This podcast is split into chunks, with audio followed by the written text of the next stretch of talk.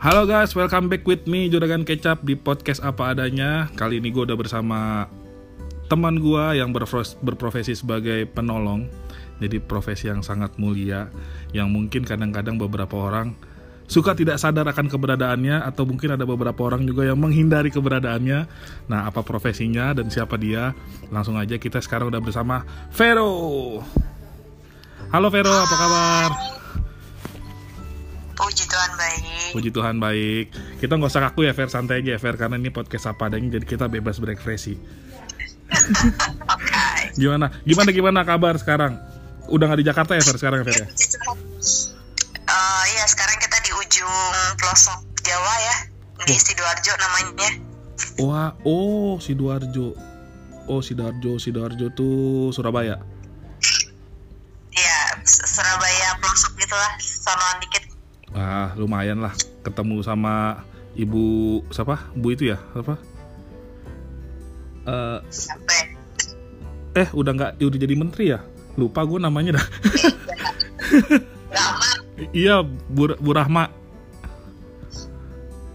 enggak beda. Ini gue sidoarjo kabupatennya, udah kayak lu Jakarta, Tangerang gitu. Gue kayak Tangerangnya Jakarta Oh gitu. gitu. Maklum lah ya geo- geografi bolos. Jadi ya kurang paham lah. Oke Fer, jadi malam ini nih gue mau ngebahas sesuatu yang saat ini akhir-akhir ini sebenarnya bisa dibilang penting banget. Tapi ketika kita sadar itu penting justru kita belum siap. Nah, jadi kayak yang tadi gue udah bilang di opening ke para pendengar podcast Juragan Kecap ini eh apa namanya gue mau ngebahas tentang asuransi asuransi. Kenapa asuransi? Karena kan sekarang kita lagi covid nih.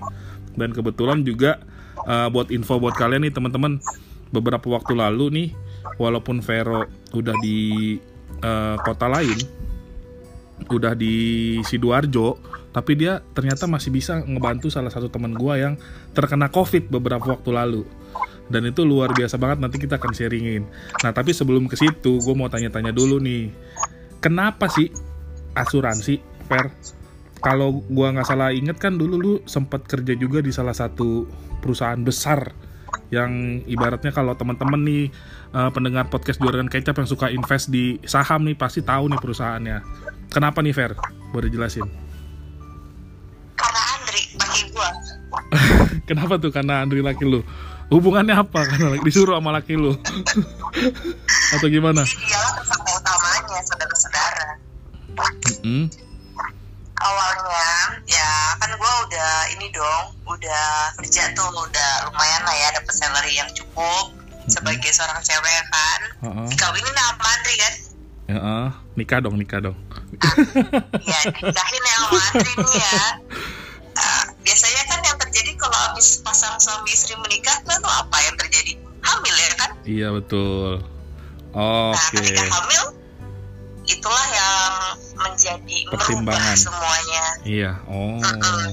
Jadi si kita lihat kan gue tuh lagi mau hamil, terus gue di di Jakarta waktu itu nggak punya orang tua yang bisa jagain anak kan nanti, Mm-mm, so gue juga nggak bisa pakai babysitter, jadi kita decide bahwa uh, gue harus resign, harus Hmm. bikin bisnis lah.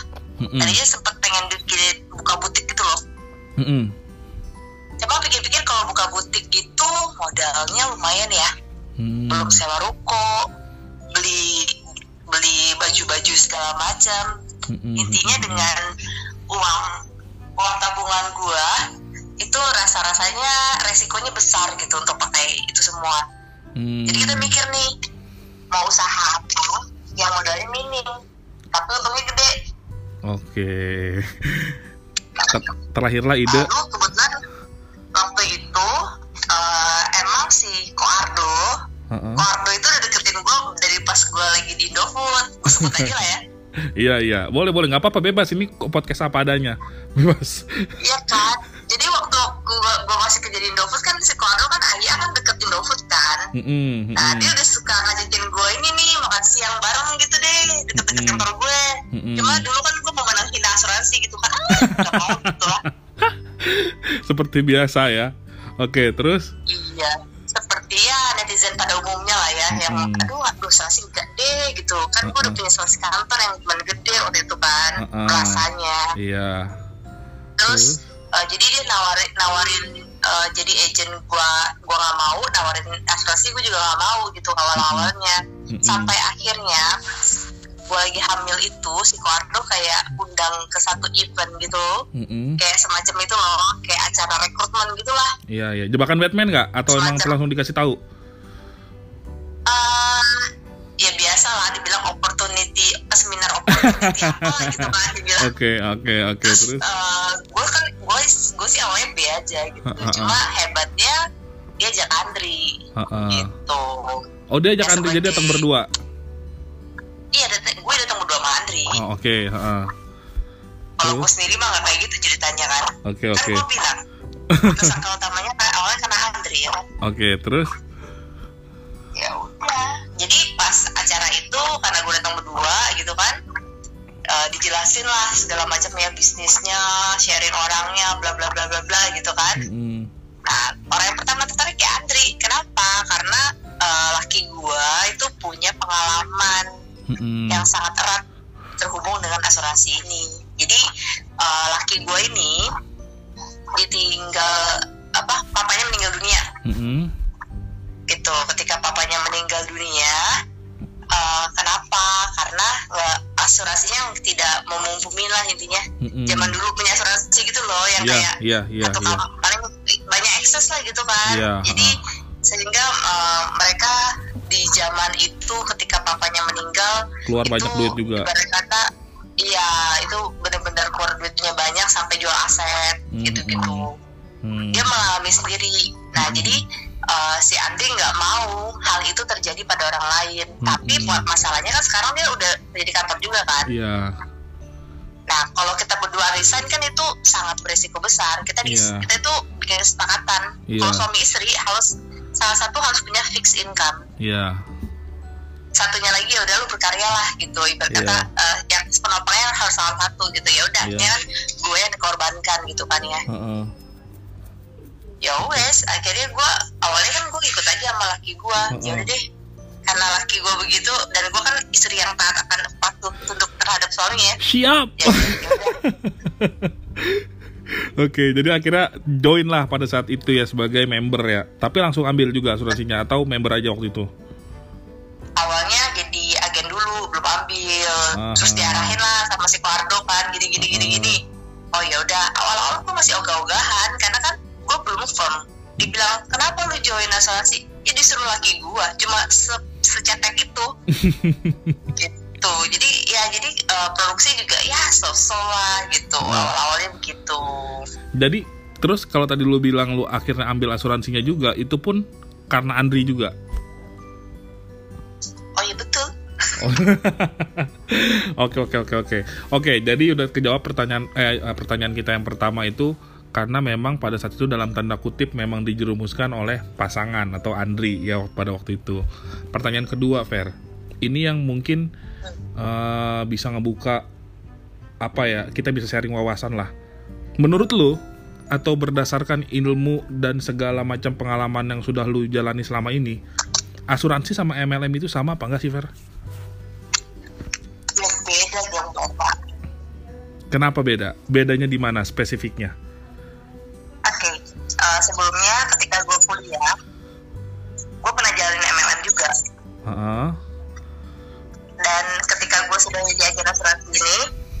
beberapa MLM mau rekrut gue juga, Mm-mm. yang memperjelas lah, eh, yang menjelaskan ke gue konsep bisnisnya, cara dapetin duitnya, bla bla bla gitu ya. Mm-mm. Nah, kalau kalau bercandaan kita zaman dulu kan saya bilang gini, kalau MLM dua kaki enam ratus ribu gitu loh. Gimana gimana gimana? MLM gimana? Oh gitu. eh tapi itu bener loh itu. Kalau MLM gue dulu bener loh itu dua kaki 800 apa dua kaki 200 ribu kayak gitu nah gitu. iya karena kalau konsep MLM adalah eh, mesti pakai kaki-kakian gitu kan Hmm, Kalau dulu bercandanya gini, Nah, terus? enggak enggak harus kayak kakian. Kalau dulu bercandanya gini, Fair. MLM itu MLM, menipu lewat mulut, masuk langsung miskin. Langsung abis ini gue dihujat netizen MLM nih. sebenarnya ini sih MLM ya bagus ya yang sukses mah ada aja Ada, yang ada. Ferrari mah ada aja Ada cuma eh, konsepnya mungkin ya yang yang mungkin kurang cocok cocok cocok cocokan ya. Preferensi orang beda-beda gitu ya. benar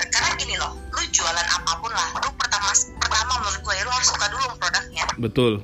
minimal Agree, ya. agree. minimal lu suka dulu sama produknya Mm-mm. kalau lu lu merasa kayaknya gua untuk beli ini tuh kemahalan banget untuk sesuatu itu gitu loh Mm-mm. karena kan pada dasarnya MLM itu pasti harganya selalu lebih tinggi di atas harga Iya. pasaran Iya betul. entah apa pun itu produknya Betul. kenapa lebih tinggi Karena dia ada membershipnya itu. Yes, betul gitu kan betul. sebenarnya diputar-putar gitu-gitu aja kan duitnya Mm-mm. dan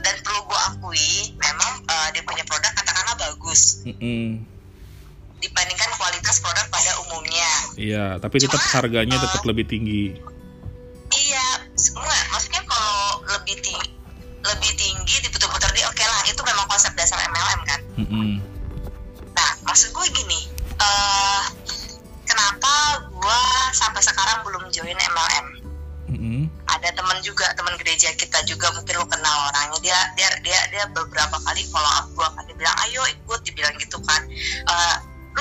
Apa nih? Kayaknya, kayaknya yang lihat- lagi ngetren usuki usuki ini nih, usuki usuki bukan?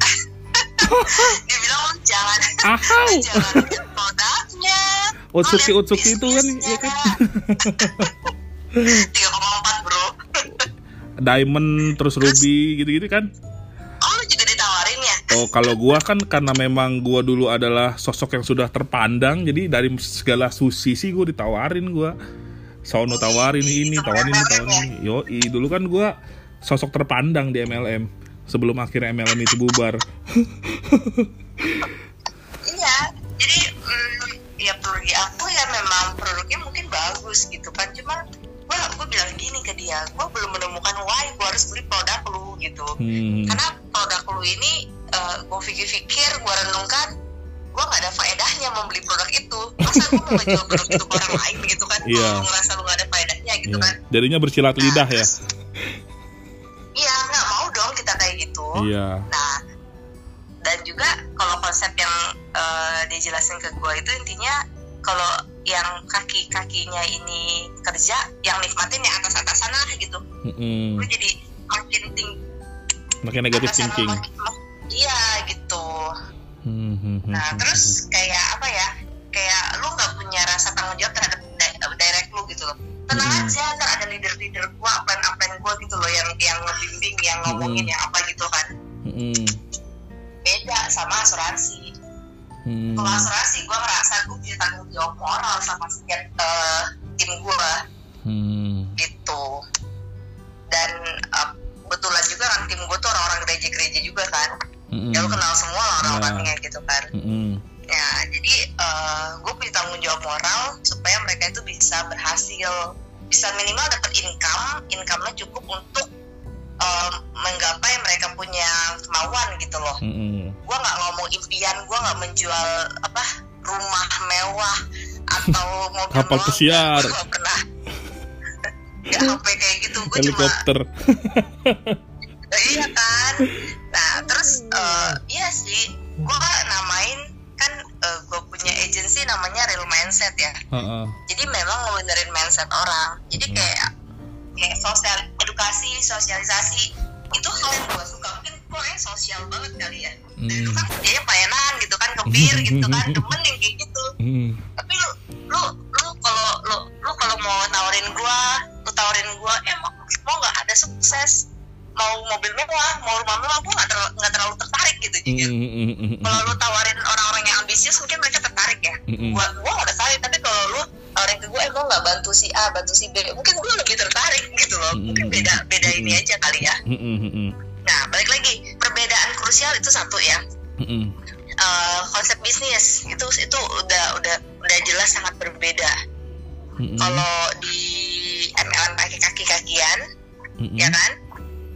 Kalau di asuransi gue merasa eh, itu memang kita dapat dapat ini dapat itu namanya OR kalau di tempat gue kayak ada komisi lagi gitu dari dari tapi komisinya nggak se nggak segede ketika lu jual sendiri. Mm-mm. gitu. Mm-mm. nah gue sambil gendong anak gue ya sorry. Nggak apa-apa Fer. Slow. Terus lanjut. Bangun anak lu ya? Itu ya beda konsep bisnisnya Mm. gitu jadi kalau di MLM lu kalau rekrut orang kan eh, dapetnya gede banget lumayan gede lah ya Mm-mm. tapi kalau di asuransi lu rekrut orang sama lu jual sendiri lebih gede lu jual sendiri dia begitulah Mm. Mm. itu yang pertama yang gue rasakan ya terus Ada terus lagi? yang kedua produk yang pasti yang gue bilang produk MLM pasti lebih mahal dibandingkan produk pada umumnya. Mm-mm. apa pun itu. Mm-mm. oke ada lagi? karena Heeh. produk asuransi itu eh, kita inilah produk asuransi kan beda. Kayak nggak nggak kayak produk pasaran tuh nggak nggak kayak lu jualan kacang gitu. Nggak sembarangan orang bisa jualan. Jadi gua ngerasa lebih bergengsi aja. Karena kan Hmm. orang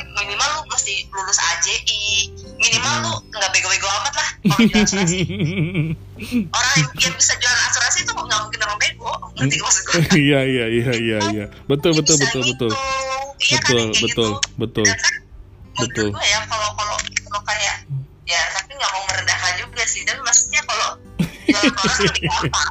Iya Ya, iya. barangnya. Iya iya iya iya iya. Oke oke oke. Oke ada lagi? Ada lagi Fer? Apa itu? Udah- itu aja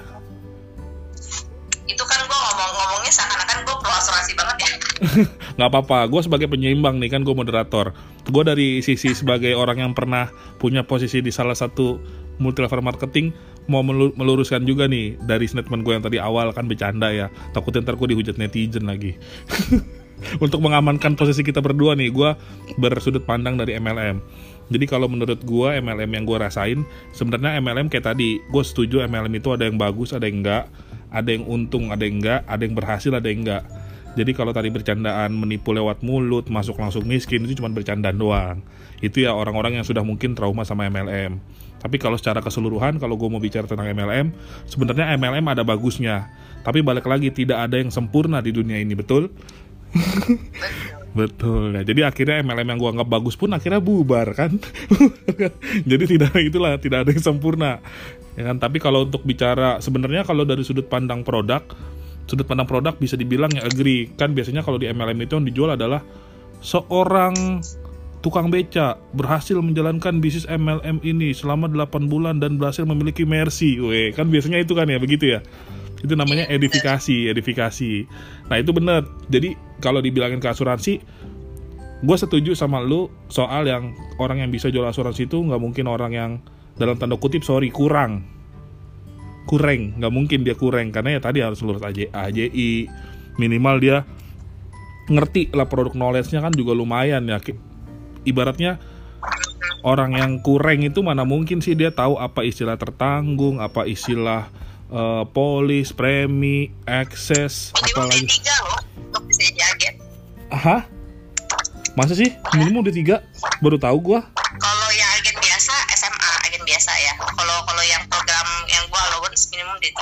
Hmm, iya. Ya kalau itu gua baru tahu tuh info bagus juga tuh. Ya, oh yang ikut-ikut program-program kayak si ini ya, kayak si siapa? Kevin ya? Kempin, Iya, ya. yang dapat allowance Ah, ah, ah, ah, ah, ah, ah. Oke oke oke. Iya balik lagi kayak tadi ya sebagai penyeimbang dari sisi MLM tadi nggak semuanya jelek, nggak semuanya juga bagus karena ya tidak ada yang sempurna. Kalau tadi dibilang di MLM bagus apa enggak? Kalau yang gue jalanin sih pada saat itu bagus. Menurut gue bagus. Nah kalau soal sisi produk yang memang harga jual lebih mahal karena memang ya memang betul eh, dia jualnya eh, produk walaupun produknya bagus ya kalau dibilang produknya mahal ya memang mahal gitu kan. Terus apalagi ya kalau soal ngerekrut ngerekrut orang sebenarnya enggak fair. Kalau tempat gue ya, tapi tempat lain ada yang memang ngerekrut rekrut doang ada juga. Karena kan multi level marketing banyak banget variannya dan metode bisnisnya banyak. Jadi emang kalau kalau di tempat gue yang dulu memang beli produk ketika kita ngajak orang baru join dan dia kan harus beli produk kalau join. Jadi sebenarnya kita dapat gedenya tuh ya sebenarnya dari produknya dia juga yang dia beli. Karena kan duit pendaftarannya cuma kecil, duit pendaftaran berapa sih 30 ribu duit pendaftaran. Tapi karena dia join beli produk, makanya lah gitu dapat bonusnya gede. Gitu, setelahnya dia repeat order, ya kita dapat bonusnya sama gede lagi gitu. Karena dia beli produk. Cuma memang itu orang lain yang beli produk, gitu bukan kita. Ngerti nggak sih? Ngomonganku susah nggak sih? Ya udahlah, pokoknya begitulah intinya. Intinya sebagai penyeimbang selalu ada positif dan negatif. Nah, balik lagi ke asuransi nih. Nah, ini kan tadi kita ngomongin asuransi, perbedaannya asuransi dan MLM nih, Fair. Terus kata lu kan beda kalau uh, dari segi bisnis, gue agree dari segi bisnis memang beda. Terus dari segi apa namanya produk juga produk knowledge terutama juga beda ya kapasitasnya orang yang jualan apa MLM terutama biasa kan MLM produk-produk kesehatan ya produk-produk kecantikan ya. Memang beda kalau dari segi produk knowledge. Nah terus selanjutnya itu Fair kalau kita bicara asuransi sebenarnya kan sama-sama ngajak orang ya Fer ya? Bener nggak? Sama-sama ngajak orang kan? Tadi kan lu sempat mention bahwa uh, ada bonus-bonusnya tuh ya Fer ya kalau ngajak orang ya Fer. Nah pertanyaan gua uh, nah pertanyaannya uh, eh, MLM itu kan kalau nggak salah konsepnya member get member kan MLM tuh multi level marketing. Kenapa dia dibilang multi level marketing? Karena dia ada levelnya. Ketika dia banyak ngangkat, ngajak orang, dia naik levelnya. Ketika dia ngajak orang, dia naik levelnya. Bukannya itu sama kayak di asuransi juga, Fair. Setahu gue kalau di asuransi juga, kalau kita udah punya bawahan berapa orang, terus bisa produce berapa berapa berapa rupiah gitu, kita akan naik ke level ini. Terus begitu selanjutnya. Ketika ya. nah, bukannya gitu juga ya? Uh, gini, pertama kalau MLM lu bisa ajak siapa aja kan mm -hmm. kalau di asuransi gue nggak bisa ajak semua orang yang tadi gue bilang ada kualifikasi gue itu udah nolak sekitar 8 orang mm -hmm. dia mau jadi agen asuransi dan gue tolak alasannya nggak qualified mm. dari interview jadi dia uh, kan setiap jadi bener-bener dia nggak tahu ya gue kalau di asuransi luar ya kalau di tempat agensi gue lebih ketat soalnya hmm. jadi habis interview tidak meyakinkan orang ini kayak tujuan hidupnya nggak tahu kayak ngapain nggak tahu kayak ada-ada suram gitu lah sedangkan kan kalau gue mau rekrut orang gue bertanggung jawab secara moral untuk minimum orang itu tuh berkembang gitu hmm. Hmm.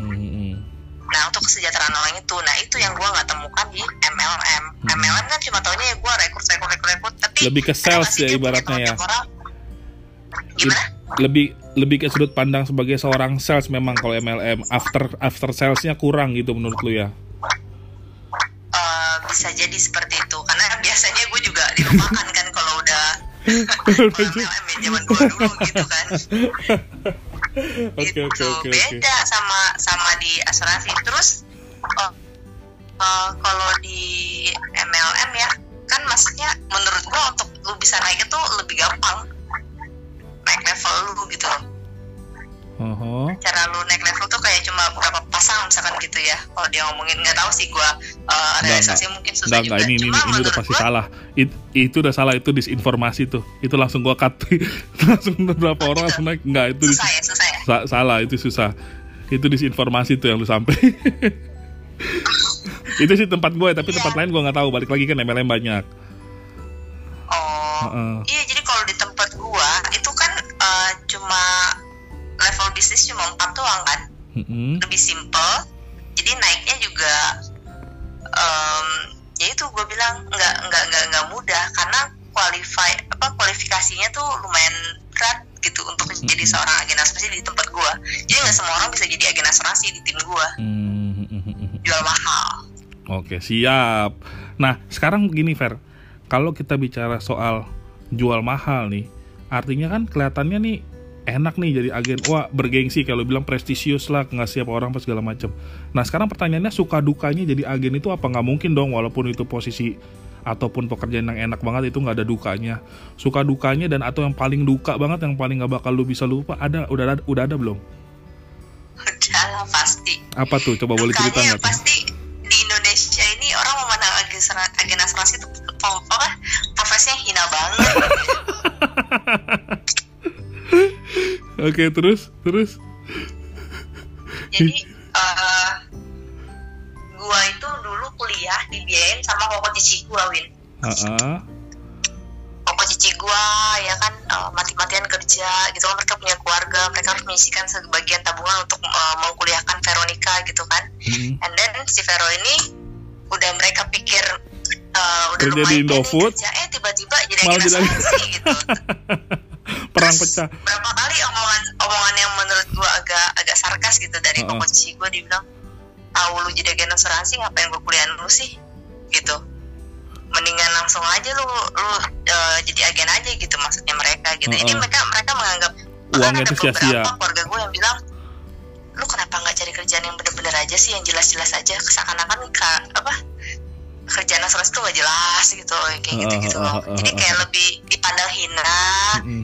Dihinakan gitu banyak itu itu dukanya gitu. Oke, dipandang sebelah mata gitu. Oke, terus. bahkan eh, beberapa keluarga gue itu beli sama gue cuma karena karena kasihan gitu. Kayaknya Heeh. padahal gue gue nggak nggak nggak gimana gitu loh. Heeh, heeh. terus mereka bilang ya udahlah dibilang ini gue punya duit segini lu mau beli apa juga boleh. Yang penting eh, masuk deh biar lu dapat komisi gitu. Sampai ada yang begitu amat gitu kan ya ampun. Nah Terus? itu kan duka ya duka Heeh, heeh. dukanya ya kalau di di di apa dikata-katain orang sih eh, gue belum pernah ya mungkin karena gue nggak pernah hard selling kali ya cuma gue lebih banyak dipandang hina orang kasih nama gue gitu nah itu kan dukanya cuma sukanya orang-orang yang kasih nama gue ternyata income-nya gue Oke. Boleh sombong lah nih ya.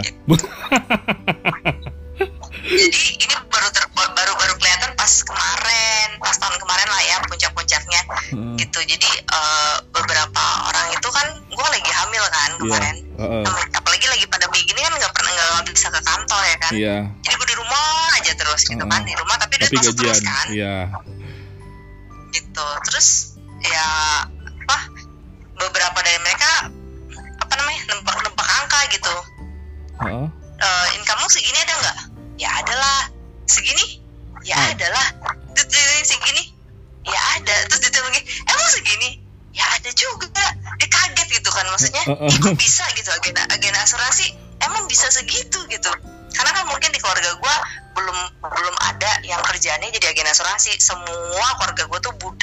Gitu Konvensional. Budak company sakit banget bahasa lu. Budak corporate. oh, budak corporate ya Iya. Bukor. Bukori, Bukori. jadi eh, dari zaman gua dulu awal kuliah juga si bokap gua tuh mendidik gua dengan cara seperti itu udah ambil jurusan akuntansi aja yang yang biasa-biasa aja jadilah orang yang biasa kayak gitu-gitu Mm-mm. jadi ketika eh, beberapa keluarga gua ini tahu kisaran income gua ya mereka terkaget-kaget gitu. Terkejut, Jadi, enaknya- abang terheran, heran. Karena abang pernah mencapai. Terus terus. gitu. Iya jadi eh, ya enaknya itu lu di rumah tapi income lu masuk terus. Hmm, itu itu menurut gua ya fleksibilitas waktu bisa sambil jaga anak sambil kerja which is gua kerja sehari 24 jam tuh paling gua kerja sejam atau dua jam gitu Iya, iya, karena kerja apa lagi yang cuma segitu biasanya kan lu bisa yang di mana atasan lu tidak pernah menekan lu Betul. bahkan menyayangi lu dengan sepenuh hati jiwa dan raga Jangan sampai nih anak muntaber. iya dicintai didoakan ya kan kasih perhatian dikirimin makanan Iya iya iya iya iya. Agree sih. Tapi ini makanya kenapa gue bikin konten ini karena eh, ya tadi balik lagi karena kan beberapa waktu lalu ada temen gue yang memang eh, sempat beri asuransi sama lu dan lu bantu juga untuk dia dirawat karena covid kan dan gue udah ngeliat tagihannya eh, very very fantastis, very bombastis gitu. ya kan untuk perawatan itu. Tapi sebenarnya memang kalau kemarin dia dari kantor sih sebenarnya di cover fair dari kantor sebenarnya di cover. Cuman karena ini anak agak selebor dia nggak punya kartu. Jadi repot dia harus bayar dulu rembes. Untungnya pada saat itu dia udah punya yang dari lu. Jadi dia pakai yang itu makanya gue bilang udah pakai yang itu aja coba dulu. Akhirnya bisa. Kalau enggak tuh pusing juga anak. Di kantor di cover cuman kan kalau bayar sendiri dulu segitu banyak duitnya dari mana juga? Terus diremes ya kan? Jadi terus itu juga emang ambil kenapa kantor gua kan memang pakai asuransi yang sama. Kita nggak sebut merek. Kalau ini kita nggak sebut merek. Eh, tadi udah sebut belum ya sih? maksud gue produk produknya kan kalau yang kantornya kalau gue ada limit. Sama sama. Kalau gua kan emang dari dari dari kantor emang udah di, itu. Di cover di cover. Pokoknya di cover full cover. Gua kan juga kan kemarin kena full cover dari kantor. Nggak keluar duit speser pun gitu. Jadi jadi nah berdasarkan dari situ makanya gue buat konten ini dan gua mau mau sedikit eh, sharing juga kayak apa ya kayak yang tadi gue makanya kenapa suka dukanya. Kayak lu tadi kan dihinakan direndahkan gitu kan dianggap kasihan disesalkan gitu. Karena lu akhirnya menjadi agen asuransi. Tapi ya kita perlu tahu nih bahkan sekarang industri perbankan pun industri perbankan garis bawah itu industri perbankan pun sekarang jualannya asuransi loh. Target yang ditanya adalah asuransi setiap bulan dan segala macem gitu. Bahkan sampai eh, satu momen gue pernah ditanya gitu sama nasabah. Lu tuh sekarang orang bang apa orang asuransi sih? Kok lu nawan asuransi mulu? Kata gue dalam hati ya pak pak. Begitulah pak. Jadi sebenarnya kalau orang bilang agak miris sih sebenarnya orang juga. Kadang-kadang ngeliat kita memandang rendah ya honestly speaking kayak tadi kayak gue bilang gue sekarang orang bank posisinya tapi gue harus eh, jual asuransi punya target asuransi di mana yang produknya pun sama kayak produk lu. Ya kurang lebih gue sebagai orang bank nih gue double job nih. Gue udah orang bank gue jual asuransi. Tapi income-nya nih nggak sebanyak in- income orang yang agen kayak lu. Karena banyak kan masuk ke bank. Sementara kalau dihitung nih kalau dihitung apa sih bilangnya kita? Eh, apa? Bukan. Basic preminya, basic premi lah bilangnya ya. Regular premi, basic premi kayak gitu-gitunya kalau dibilang target kita jauh lebih gede mungkin daripada ya kan kalau orang agen kan namanya dia freelance ya bisa dibilang mungkin dia nggak punya target kayak kita kan. Kalau gua kan target jalan terus, target nggak ada turunnya naik terus, nanjak terus, gaspol pokoknya. Tapi ya begitulah makanya kalau gue bilang ya orang-orang ini harus sadar sih tentang asuransi sebenarnya menurut gua ya.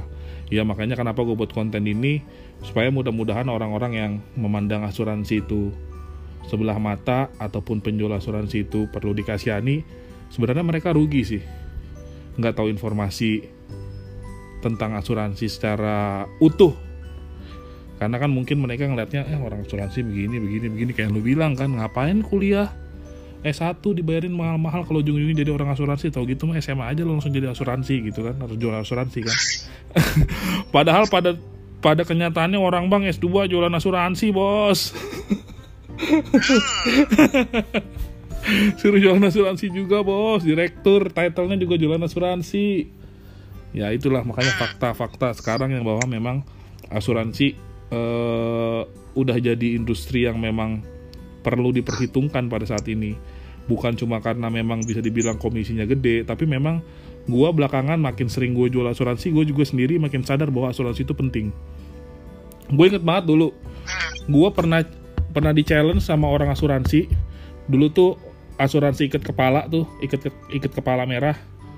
Dulu nawar-nawarin gue tuh dulu tuh waktu gue masih jadi leader di salah satu MLM hah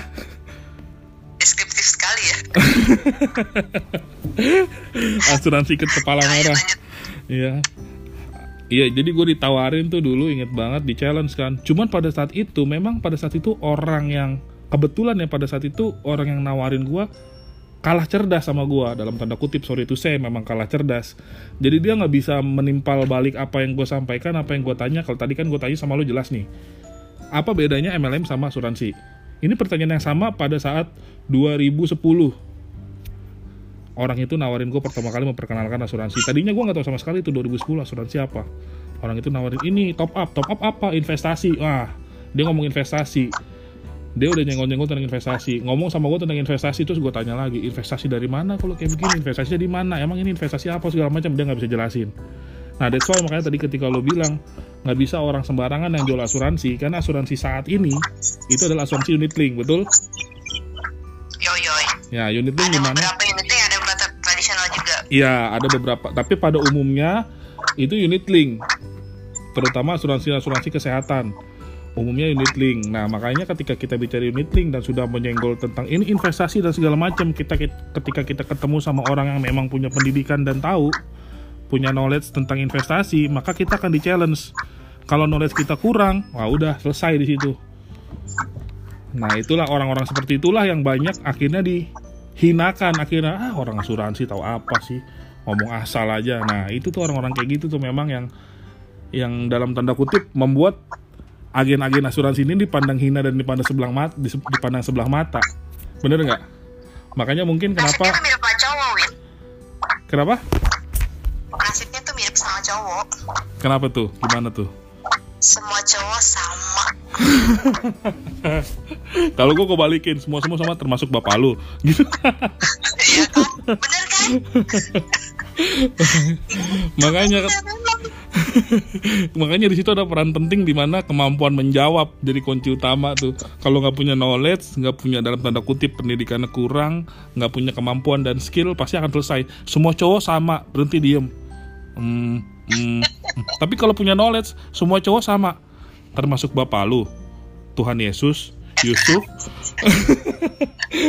Nabi Elia Nabi Musa. Gua- jadi semua nggak sama. Lu jangan generalisir. Kita bisa balikin karena kita punya knowledge. Betul. Itu memang. Iya. Nah sekarang kita balik lagi fair ke asuransinya. Tadi kan kita ngomong bicara uh, agency. Uh, bah. Bicara mengenai tantangan menjual apa aja yang dijual proses bagaimana. Nah sekarang kita mau bicara asuransinya. Pertanyaan pentingnya kenapa kita jadi asuransi? Kenapa kita menjual asuransi? Karena kita merasa asuransi itu penting. Pertanyaannya adalah kenapa asuransi itu penting dan kita harus punya asuransi? Supaya miskin. itu jawaban general akan di challenge lagi A- kenapa harus jatuh bangkrut dan jatuh miskin emang asuransi karena bisa apa banyak banget orang yang jual aset hanya karena nggak punya asuransi. Itu banyak banget.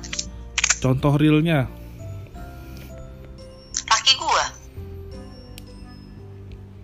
Tetangga, eh, lu tau rumah gue ini terus kan? Mm-mm. Pernah pernah temen dong. iya Rumahnya lumayan gede gak? yes Gua beli rumah itu dengan harga yang sangat murah karena yang punya rumah dulu yang punya rumah itu sempat jadi orang paling tajir sekali deres sebelum rumah makanan gua ada makanan itu kan yang Mm. yang lebih gede lagi itu kan ini Iya. kan eh, eh, apa sultan namanya? itu mah sultan Nah, jadi awal-awal itu ada satu orang gitu ya dia dia taj- dia orang paling tajir di komplek itu ukuran rumahnya lumayan gede kan waktu itu rumah gua kan Mm-mm. jadi dia itu eh, tajir ya kan one day istrinya sakit kanker Mm-mm. sehingga dia jual asetnya pelan-pelan sampai akhirnya dia harus jual rumahnya dengan harga yang murah Mm-mm.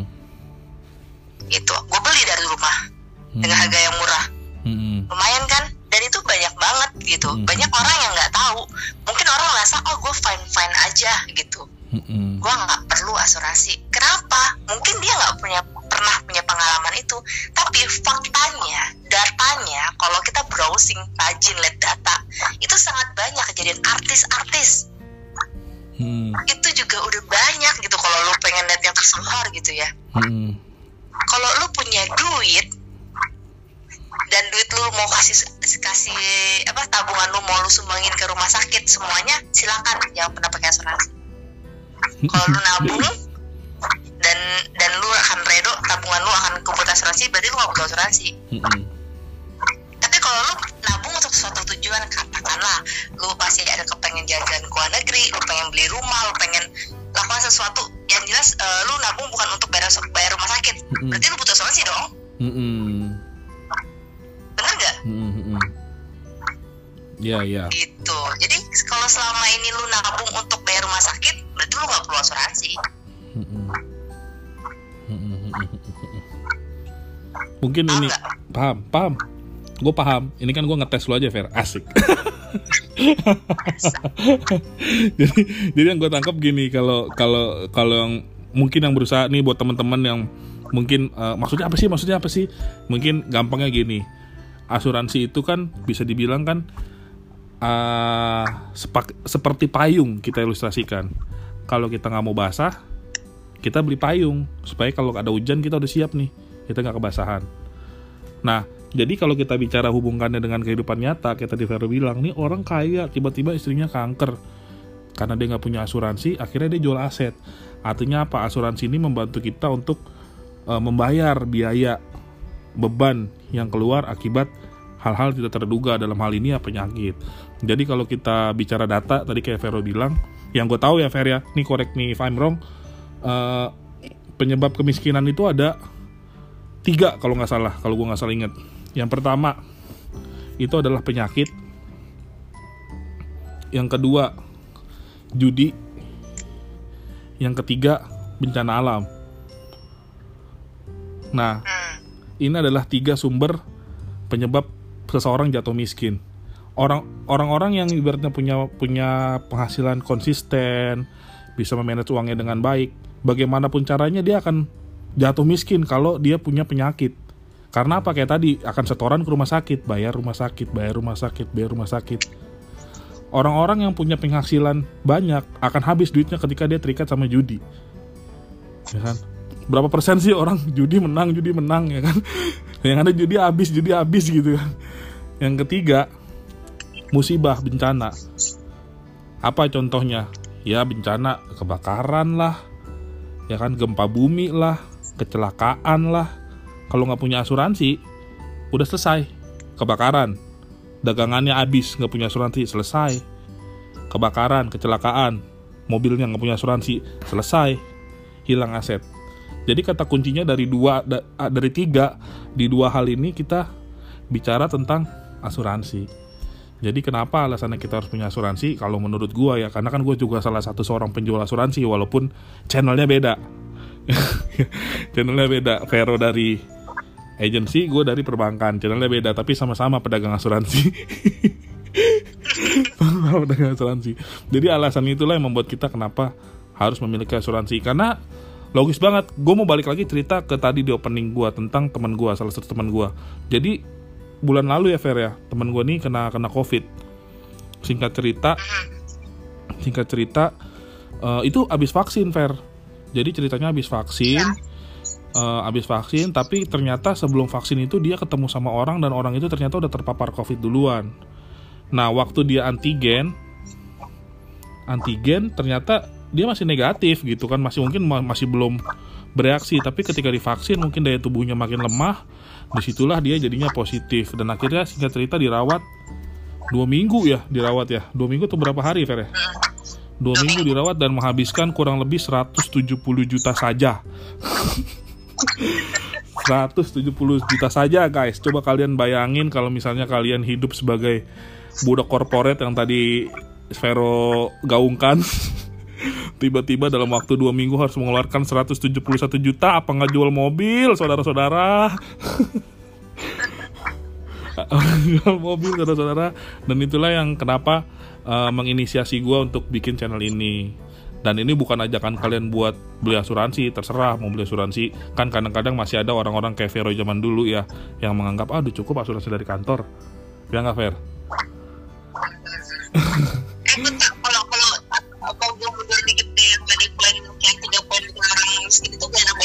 Boleh, boleh dong, boleh dong. Kan podcast bebas. Itu kan bilang dia itu cuma ngobrol aja yang yang ini kan. Bentar-bentar Fer, ini sinyal lu kayaknya agak kurang ini deh Fer. Kurang jelas Fer. Ah, oke. Okay. Orang yang nggak punya asuransi itu hmm. adalah seperti orang yang berjudi. Hmm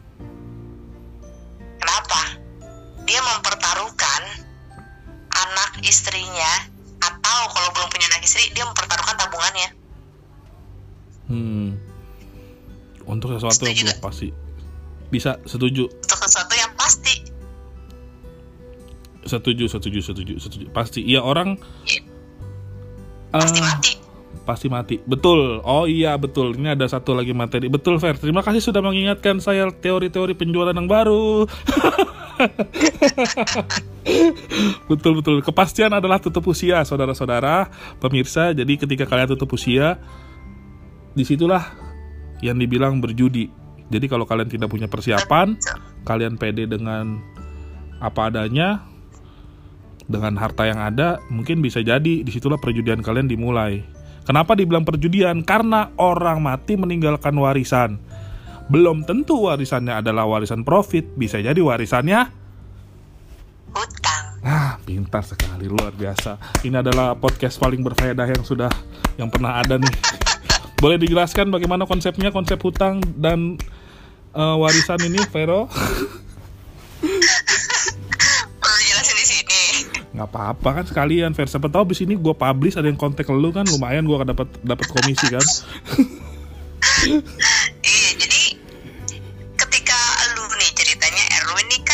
Jangan jadi gua dong. Jangan gua dong. ya, Si A dong, si A. katakan si A ya, AA ya kan. Heeh. AA ini kan ceritanya dia punya istri, punya anak gitu ya ceritanya biar biar komplit ya, biar Hmm. kede- kedengarannya keluarga bahagia gitu kan ya. Yoi. Hidup bahagia dengan gaji yang sangat besar. Iya. AA ini ceritanya sudah punya income yang katakan berapa ya income income income budak korporat berapa sih sekarang? Aduh, jangan gitulah. Katakanlah 20 juta deh, 10 juta, 20 juta gitu ya. Iya. 10 juta Amin. biar ambil gampangnya gitu Iya, ya. amin lah ya. Heeh. Ah, ah, misalkan gitu ya si A itu punya anak satu, dia punya istri misalkan gitu ya 10 juta Mm-mm. income-nya ya. Mm-mm. Nah, terus dia nyicil motor. Nyicil mobil gitu ya kan. Nyicil Terus kulkas. ada lagi nyicil, nyicil ya dia banyak cicilan ya kan cicil rumah misalkan nyicil kulkas. Banyak lah cicilannya gitu ya kan. Kompor minyak. Kompor minyak dicicil. Susah banget hidup lo. Nyicilnya pakai kartu kredit misalkan gitu ya. Iya. Nah nah ketika si A ini eh, meninggal. Pertanyaannya gini orang kan kalau meninggal tenang aja Ada asuransi kan otom- otomatis lemas ada yang bilang begitu kan? Iya betul. Benar nggak? Betul. Kalau dia mati kalau dia sakit kritis ah mati kagak hidup kagak? Kalau diambil asuransi kartu kreditnya kalau kagak kebanyakan kan nggak ada yang mau ambil juga asuransinya. Nah nah itu thank you tambahannya. Gitu. Kan saya orang bank saya bikinin. Asuransi nggak apa nggak usah. Oke pak. Gitu jadi eh, ketika si AA ini meninggal yang kena siapa? Anak istri. Si is- betul banyak sekali wanita yang harus menurunkan gaya hidupnya hanya karena suaminya meninggal. Mm-mm. yang tadinya dia bisa beli tas Hermes minimal coach lah kalau yang wanita wanita awam ya. Mm-mm, wanita-wanita awam gitu kalau wanita level atas kan Hermes Prada gitu kan. Kalau wanita wanita awam ya Guess lah Metro gitu yang ya CK ya gitu ya kan? Iya ntar turun-turun pas udah meninggal amit-amit ketika si AA nya meninggal itu apa namanya? Beli yang ya ya Tanah Abang. yang ya kan? Tanah abang. Mangga dua. Gitu ya kan nggak mau begitu ya kan tapi sebenarnya tapi sebenarnya fair bukan cuma menurunkan gaya gaya hidup sih extremely. Kayak tadi kalau cuma menurun menurun menurunkan gaya hidup itu masih bisa dibilang bagus loh. Nggak sedikit bahkan mereka yang harus menjual aset. Yang Nah, hidupnya susah gitu. Dalam artian ya tadi hutang ini hutang ini bukan apa ya warisan sorry. Warisan ini bukan cuman harta loh tapi ketika kita mengambil harta sebagai warisan contoh tadi si bapak AA ini meninggalkan rumah mobil motor dan segala macam ya. Anggaplah rumahnya udah lunas. Rumah ini diwariskan dong. Tapi ternyata masih banyak cicilan kayak mobil motor ataupun dia punya cicilan-cicilan yang lain. Ternyata dia nggak punya cash nggak punya tabungan. Ya kan istrinya nggak bekerja anaknya masih sekolah tiba-tiba dia harus membayar nih jatuh. Karena ketika tutup usia pada saat itu juga hutang jatuh tempo. Ketika tutup usia pada saat itu juga hutang jatuh tempo. Ketika si ahli waris mengklaim warisan dalam hal ini rumah dan segala jenis aset yang dimiliki oleh si suami ini si bapak AA maka pada saat itu juga dinyatakan bahwa ahli waris mengklaim hutang yang ditinggalkan oleh si AA jadi ketika kejadiannya dia tidak punya cash maka harus dijual lah barang-barang yang ada saat itu untuk menutupi lut hutang yang jatuh tempo pada saat itu. Jadi hutang itu bukannya tidak jatuh tempo. Jadi ketika tutup usia ini juga informasi penting buat teman-teman dan buat para pendengar podcast Juragan Kecap di mana ketika saat Anda ataupun keluarga Anda ada yang tutup usia pada saat itulah hutang jatuh tempo Kenapa? Karena ya logikanya masa iya udah di kuburan ditagihin hutang coy kan nggak mungkin. Bapak cicilan kesekian ya bulan depan. Kan nggak mungkin masih digedor-gedor kuburannya. Jadi pada saat tutup usia itulah hutang jatuh tempo. Dan siapa yang akan ditagih? Si ahli waris. Jika si ahli waris mengklaim harta atau aset peninggalan si orang yang tutup usia. Gitu. Jadi itulah makanya pentingnya selain asuransi. juga ada lagi. Pajak. Pajak. Betul peninggalan rumah bisa jadi kena pajak. Mungkin Vero mau jelasin. Ini kejadian nyata. Mm-mm. Eh, kliennya direktur gue sih. Jadi memang eh, dia punya papa itu orang tajir melintir lah di daerah Menteng gitu ya. Mm-mm. rumahnya senilai 30 m. Mm-mm. oh masih murah dong 30 m. Belum tajir melintir itu ya untuk salah satu anak dapat 30 m oh salah satu Anak anak. yang- oh besar kalau salah satu Enggak, anak. yang dapat yang dapat cuma 30 m itu salah satu anaknya yang Hmm. jadi eh, budak korporat. Oke ha. si si siapa? Si papanya ini entrepreneur. Tapi intinya inilah uh, bisnisnya buat anak yang lain. Si Mm-mm. anak yang satunya dapat rumah 30 m ya. Mm-mm. masalahnya setiap rumah itu kan punya pajak ya. Betul. Dan pajak itu setiap tahun harus dibayar. Betul. Ketika lu mau jual rumah itu pun ada balik, namanya balik nama BPHTB itu juga lu punya duit apa enggak? Itu 5% dikali 30 m. Punya nggak kan segitu? Untuk seorang budak korporat katakanlah. Yang tiba-tiba dapat jadi ketika lu dapat uh, apa warisan belum tentu itu berkah atau musibah gitu. Kalau orang yang nggak siap itu bisa jadi musibah loh. Gitu kalau dia nggak punya ready cash makanya itu pentingnya asuransi karena kasih ready cash. Betul. liquid. Liquid betul. Ketika Gitu. resiko sehingga yang terjadi. dapat yang dapat warisan itu nggak ngerasa itu musibah gitu. Ada kejadian nyata yang dapat warisan malah jadi musibah Betul. Jadi kalau gue persingkat, asuransi yang pertama tadi kita bahas ketika tutup usia bisa menjadi instrumen untuk membayar hutang karena dapat uang pertanggungan namanya. Jadi ketika si bapak AA meninggal, tutup usia maka uang pertanggungannya keluar dan uang pertanggungan pertanggungan itu berupa cash yang ditransfer langsung ke rekening dan itu bisa digunakan untuk kehidupan selama ya dalam mengurus surat-surat, bayar hutang, pelunasan kayak gitu-gitu ya Fer ya. betul Yang kedua tadi untuk ya tadi kalau misalnya ada butuh balik nama, bayar pajak, pajak terhutang apa segala macem, uang pertanggungan itu pun juga bisa jadi ready cash untuk membayar segala beban-beban yang ada. betul Betul. Luar biasa nih pe- perbicaraan malam ini sungguh berbobot walaupun sudah malam tapi pembicaraan yang sangat 11 luar biasa. late late night apa nih kita bilang? Late night kul kultum, kultum, kuliah umum mengenai asuransi. ya. Jadi balik lagi kita guys, mungkin nggak berlama-lama lagi karena durasi gue lihat udah eh, mendekati 60 menit durasi maksimal untuk podcast. Jadi kalau gua rangkum tadi kenapa gua mulai podcast ini dengan pembahasan asuransi karena gua ngerasa asuransi ini penting. Dan kenapa gua ajak Vero? Karena Vero ini jadi salah satu temen yang baru-baru ini eh ya ya gua lihat langsung lah ya punya punya track record dan ngurusin salah satu temen gua juga yang kebetulan beli asuransinya sama dia waktu itu bareng dia. Dan dia ngebantuin dan akhirnya memang sangat bermanfaat gitu. Dan gua pun sebagai salah satu penjual asuransi di salah satu bank juga merasakan eh, beberapa nasabah gue yang melakukan klaim asuransi ya sangat terbantu gitu duitnya utuh. Tabungannya utuh dia nggak keluar uang lagi dari kantongnya atau dari tabungannya untuk bayar tagihan rumah sakit. Dan itu yang yang membuat gua eh, menyadari akhirnya bahwa asuransi itu sangat penting. Bukan begitu ibu Vero? Betul sekali. Nah, karena kita udah di penghujung podcast ada pesan-pesan gak nih Fer? Untuk teman-teman mungkin yang baru denger dan uh, buat belum tahu tentang teman-teman asuransi yang mungkin ditawarin sama beberapa agen asuransi di berbagai macam bendera Mm-mm. pesan gue cuma satu ketika lu pengen beli asuransi jangan cari premi yang paling murah tapi cari yang kas, bisa kasih lu layanan paling bagus Oke. Oke, itu ya guys. Jadi jangan cari yang paling murah, tapi cari yang paling bagus. Karena murah itu belum tentu mencukupi apa yang kalian butuhkan. Gue tambahin dikit ya Fer ya.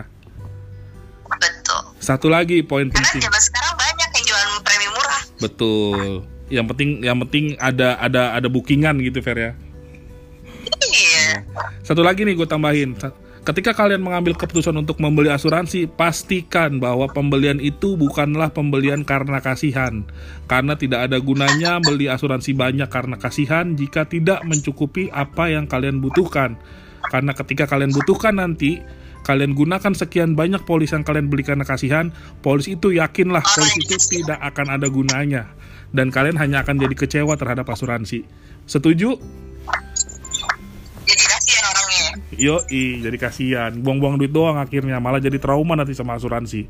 Dan inilah yang yang gue juga mau bagikan ke teman-teman supaya ya kan banyak aja ya oknum-oknum penjual asuransi yang dalam tanda kutip tadi sempat dimention sama Vero hard selling, mis-selling, ya kan asal jual ya maksudnya ya tidak ada tanggung jawabnya. Dan itulah yang gue mau pesan di akhir podcast ini buat teman-teman yang ber- berminat dan tertarik untuk memiliki asuransi pribadi, pastikan kalian beli bukan karena kasihan, pastikan juga kalian tahu jenis produknya dan pastikan kalian beli yang paling bagus bukan yang paling murah setuju Fer?